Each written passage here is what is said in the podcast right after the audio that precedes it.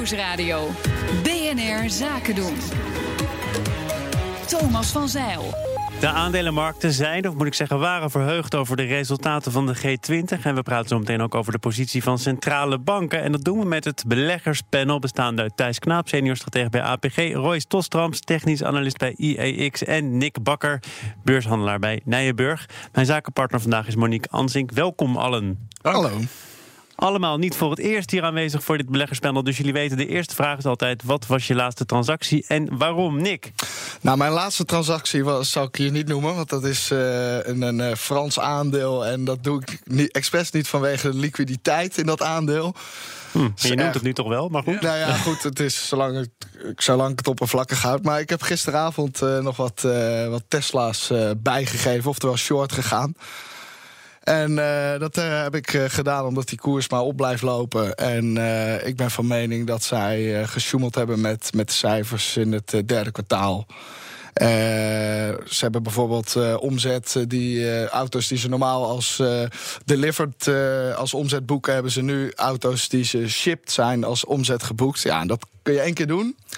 Maar geen twee keer. Nou, het heeft uh, geen windeieren gelegd. Want het grote nieuws was toen, zie je wel, die cijfers die zijn in één keer toch veelbelovend. Ze hebben waargemaakt wat ze al die tijd al verwachten, wat ze hebben beloofd. Maar dat is dus op een bedenkelijke wijze tot stand gekomen. Ja, ze er hebben... waren al geluiden over overigens. Je bent niet alleen in dit standpunt. Nee, zeker niet. Uh, Trump heeft ook nog besloten dat hij volgens mij de subsidie op elektrisch rijden gaat terugschroeven. Gaat ook nog wel impact hebben. Vanaf 2019 gaat dat allemaal uh, er, erg uit inhakken bij dat aandeel. Maar Elon Musk zegt hele nare dingen over mensen die short Tesla zitten, hoor ik wel. Ja, nou ja, goed. Uh, ik, ik ken geen enkel bedrijf dat, of geen enkele CEO die het ooit zo tegen shorters heeft opgenomen, als het ware, uh, die er goed vanaf kwam. Als jij een goed bedrijf hebt, dan is je enige antwoord tegen shorters is geweldige winstcijfers laten zien. En ja, want shorters nog even voor de mensen die niet uh, zelf beleggen, die gaan ervan uit dat het met Tesla helemaal verkeerd gaat. Nou ja, in ieder geval dat het aandeel gaat dalen. Ja, ja goed.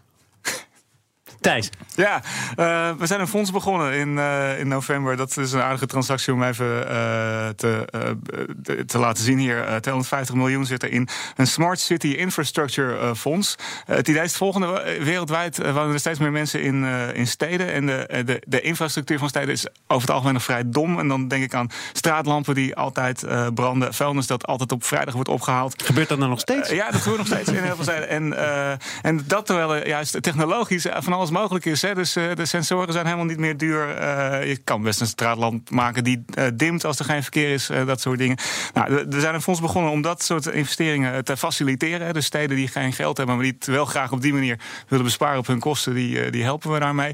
En tegelijkertijd zorgen we dan dat dat, dat soort slimme infrastructuur eerder uitgerold wordt. En dat fonds zit nu nog vol? Of hebben die ja, er zit nu geld in van ons. en dat gaat nu dus dat geld uitgeven aan dit soort infrastructuur. Het idee is om dat uh, ja, om daar meer geld in te stoppen als het een succes is. En vanaf welke bedragen kun je je melden? Bedoel, het gaat uh, ja, steden kunnen zich melden. Ja. Ja, nee, heel goed. Dus dat, ja, dat gaat, het hangt af van de omvang van de stad natuurlijk waar het om gaat. Maar het gaat, dus het 250 miljoen, miljoenen in. Dus het gaat doorgaans over tientallen miljoenen euro's. Royce. Nou ja, het uh, allerbelangrijkste is uh, wat verwacht je voor uh, de komende tijd. Hè? En wij zijn, ik ben mijn laatste transactie, dat is je vraag, is long Ahold. Dus ik heb een stuk Ahold gekocht en een turbo. Maar het allerbelangrijkste voor dit moment is natuurlijk de reactie van de beurzen op de G20-top. Oh, je wil alvast het volgende onderwerp aansnijden. Nou, dat mag. want uh, ja, nou, je, je, kent mijn vak, dus je doet het hartstikke goed. Afgelopen weekend was er inderdaad die G20-top. Daar is het een en ander besproken en ook al in dit programma besproken. De beurzen reageerden daar enthousiast op. De koersen die deden het prima. Zakt ook al een klein beetje weer weg. Is dat nou logisch? Omdat we nu weten dat die 90 dagen die gelden, maar de echte bottlenecks liggen nog op tafel? Nou ja, de beurzen die reageerden optimistisch. Het was eigenlijk veel meer een opluchtingsrally. Want ze waren natuurlijk best wel bang dat het eh, niet goed zou aflopen. En dat kan tegenwoordig met Trump. Wat je wel ziet als je kijkt naar de, de grafieken, hè, dat is mijn vakgebied, is technisch, is uh, dat de markten bijna overal uh, neutraal bewegen in de afgelopen vijf, zes weken. He, de AX zou tussen de 506 en 500 iets boven de 530 in. En daar, daar blijven we binnen. Dus de, de markten hebben eigenlijk, naar aanleiding van de resultaten van de G20-top, gezegd van nou, we weten het. We weten in ieder geval dat het op korte termijn niet slecht afloopt. Ze hebben tijd gekocht. Maar we moeten nu maar kijken wat er uh, uiteindelijk uitkomt. En er liggen natuurlijk nog een paar knelpunten op tafel. Want beide partijen, China en Amerika, hebben hun eigen interpretatie van die afspraken gegeven. Dus uh, er liggen dus nog best wel wat pijnpunten. Ja, dus de opluchting kan ook weer omslaan in vrezen naar wat er dan over 90 dagen uiteindelijk op papier staat. Dat, ik denk dat de beurzen daar een beetje een voorschot op nemen. Tenzij er andere goede of heel slechte dingen gebeuren, komt er wel wat richting. Maar voorlopig zijn alle markten eigenlijk een beetje vastgebakken en vastgepind op die uh, ranges van de afgelopen weken. En daar zitten we gewoon in en daar kom je maar niet uit. Ja, want het valt mij op dat die, die deal waar we het over, hebben... nog helemaal niet op papier staat. Er zijn, het lijken ook meerdere deals te zijn. Dus wat de Chinezen erover zeggen is heel anders dan wat de Amerikanen erover zeggen. Wat Trump erover zegt is heel anders dan wat zijn adviseurs erover zeggen.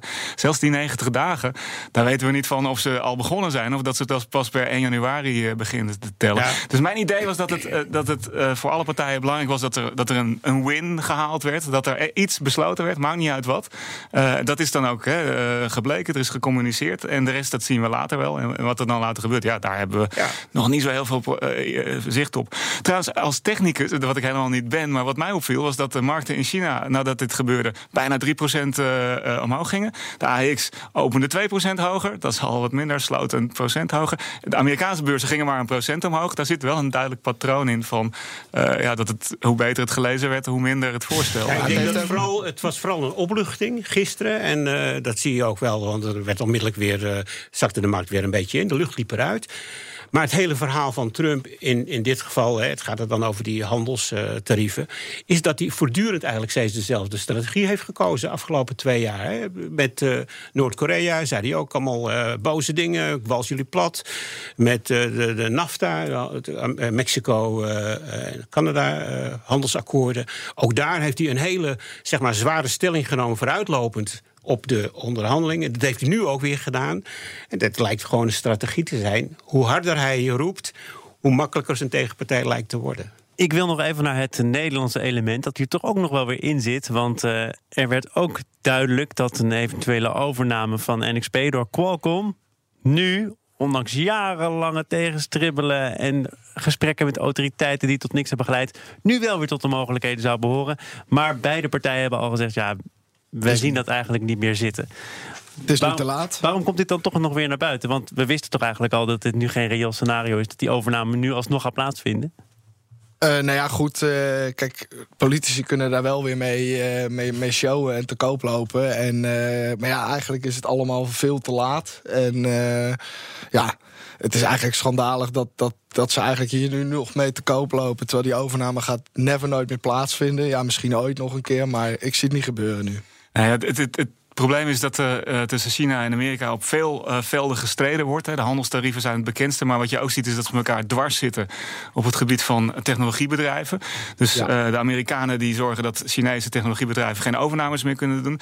Nou, de Chinezen die wilden ook iets terug doen, hebben natuurlijk minder wat dat betreft in de melk te brokkelen. Maar bij deze overname was het toevallig zo dat die beide bedrijven, NXP en, en Broadcom, genoeg zaken deden in China dat de Chinese mededingingsautoriteit daar iets van moest vinden. en daar hebben ze natuurlijk meteen gebruik van gemaakt dat ze zeggen van nou, dan mag dit uh, van ons niet of we houden het op. Of uh, we kijken maar de belemmeringen zijn nu uit de weg geholpen. Dus dan zou je nog kunnen zeggen, kennelijk was dit altijd al meer een verstandshuwelijk dan pure liefde. Mm -hmm. Want anders dan zou je nu nog in het gat springen, toch? Dan zou je zeggen, de opties liggen nu weer open. Ja, het is gewoon een druppel op een gloeiende plaat. Want waar het eigenlijk in, in die hele handelsrelatie uh, tussen China en de VS om gaat... is één, de dollar. Uh, de Amerikanen hebben de dollar en die kunnen onbeperkt dollars drukken... en drukken ook nog eens hun eigen rente die ze moeten betalen op staatsschuld. En dat vinden de Chinezen gewoon niet prettig. Want wie financiert dat tekort? Dat zijn de Chinezen. En aan de andere kant zijn de Amerikanen niet zo blij mee... dat de Chinezen eigenlijk uh, het intellectueel eigendom niet echt respecteren, om maar zo te zeggen. Er moet in die 90 dagen nog wel het een en ander gebeuren. Nou. Ja, denk ja maar uh, vooruitlopend op, uh, op de, deze situatie zijn zeg, uh, de Wall Street is zo'n 10% gezakt. Oh. toen die handelsoorlog zeg maar, de, de headlines ging halen, een paar maanden geleden. Uh, Europese beurzen zo'n zo 15 procent. Dus er is natuurlijk best wel wat gebeurd. Uh, markten hebben, ze zijn best wel geschrokken van, uh, als je naar de koersreacties kijkt. Alleen op een hele korte termijn zie je dat er wat soort van pas op de plaats is. En ik denk ook dat dat heel essentieel gaat worden van hoe gaan we al die uitleg gaan we die tot ons nemen hè, in de markt. Ja, en dat, dat, dat, optimisme was ook vrij voorzichtig. Want gisteren inderdaad op opening, hoge, hoge opening. En dat, dat, dat kan je verklaren door middel van short covering. Dus uh, shorters die aandelen terug moeten kopen. En vervolgens daalt die markt weer. Oftewel, waar, waar zijn de echte kopers dan gebleven als die markt daalt? Heb jij, ben jij, heb jij gekocht gisteren? Nee. Niet. Ik heb niks gedaan. Nee. Wat trouwens, om nog even terug te komen op NXP en Qualcomm wel uh, opvalt, is dat die, die beurskoersen ook niks deden. Hè? Dus dat, dat, nieuws, wat toch groot nieuws is over een bedrijf, uh, daarvan hadden de beleggers meteen wel door van ja, hier gaat toch niks meer, uh, niks meer gebeuren. En dat is op zich wel opmerkelijk, want zo gauw politici ga, zich gaan bemoeien met, met bedrijven, dat zagen we ook al met het tarief op wasmachines, kan dat geweldige gevolgen hebben voor, voor beurskoersen. Dus dit is eigenlijk uitzonderlijk dat dat ja, zo geruisloos voorbij gaat. Er moest wel een boete betaald worden, omdat die overname niet doorging. Nu mag die overname formeel wel. Staat die boete dan nog? Oeh, dat is een. Uh, ja, dat, is, dat staat in de kleine lettertjes. Uh, ja. Nou, het gaat over 2 miljard. Ja, dat is een flink bedrag. ja, die heeft, uh, die heeft Qualcomm ook wel ter beschikking. Dat is. Ja. Voor hun niet zo'n heel probleem. Te gast is het beleggerspanel en dat bestaat uit Thijs Knaap, senior stratege bij APG, Royce Tostrams, technische analist bij IEX en Nick Bakker, beurshandelaar bij Nijenburg. En mijn zakenpartner is vandaag Monique Ansink. We gaan praten over Shell. Dat was gisteren groot in het nieuws. Het bedrijf maakte namelijk bekend dat onder druk van veel aandeelhouders uh, grote klimaatstappen gaan worden gezet en dat ook de doelstellingen en de bonussen aan elkaar gekoppeld worden op dat vlak. Hoe opvallend is dat, Thijs? Want ik kan dat maar het beste aan jou vragen. Jij bent verbonden aan APG, belegd voor pensioenfonds ABP. Een mhm. van de motoren achter deze beweging misschien wel? Of ja, is dat te veel eer? Een van de motoren is wel juist, want er is een hele uh, groep van, uh, van grote aandeelhouders, de Climate Action 100 Plus groep. En die, uh, die hebben gezamenlijk geprobeerd om met Shell te praten over nou, hoe, hoe kunnen we nou zorgen dat hè, het bedrijf winstgevend en gezond is, maar dat er ook ja, niet altijd maar maar uh, het milieu op de laatste plaats gezet wordt. Uh, en uh, daar, daar was Shell vorig jaar ook al zelf mee bezig. Alleen toen zeiden ze nog van ja, maar we willen het eigenlijk niet kwantificeren. We willen geen doelen hebben. We, willen, we gaan het in het algemeen nastreven. 2050 en we willen flexibel zijn. we willen ons niet vastpinnen op iets wat zo variabel is. 2050, dat is nog heel ver. Dus daar kon je weinig mee. Dus uh, die, uh, ja, die, die doelen zijn nu uh, veel beter neergezet. Dus echt concreet voor de komende jaren 2020, 30 neergezet. En op een, zoals je al zei, op een manier dat ze ook gekoppeld zijn aan de, de bonussen van, van de mensen die de baas zijn van Shell. Dus die er direct belang bij hebben om ook te gaan kijken naar ja, wat is nou eigenlijk onze CO2-uitstoot en hoe kunnen we daar wat mee uh, doen. En jij hebt het statement daar voor je liggen. Ja. Althans, een deel van het statement, denk ik. Want waar gaat dit nu over? Shell is natuurlijk een ontzettend groot bedrijf. Die doelstellingen die moeten helder zijn, die moeten op de korte termijn zijn. Je moet ergens op kunnen worden afgerekend. Wat staat er in dat statement nou precies? Ja, dus dat vroeg ik mij ook af. Want je kan je voorstellen dat Shell zelf ook nog wel de nodige CO2 eh, uitstoot bij het afvakkelen van, uh, van gas en dat soort uh, dingen. Maar in het statement, als ik het goed gelezen heb, staat daadwerkelijk dat het gaat om alle uh, uitstoot die veroorzaakt wordt door, ook door producten van Shell. Dus dan hebben we het echt over de liters die wij uh, uh, gaan tanken en in onze auto's gaan verbranden.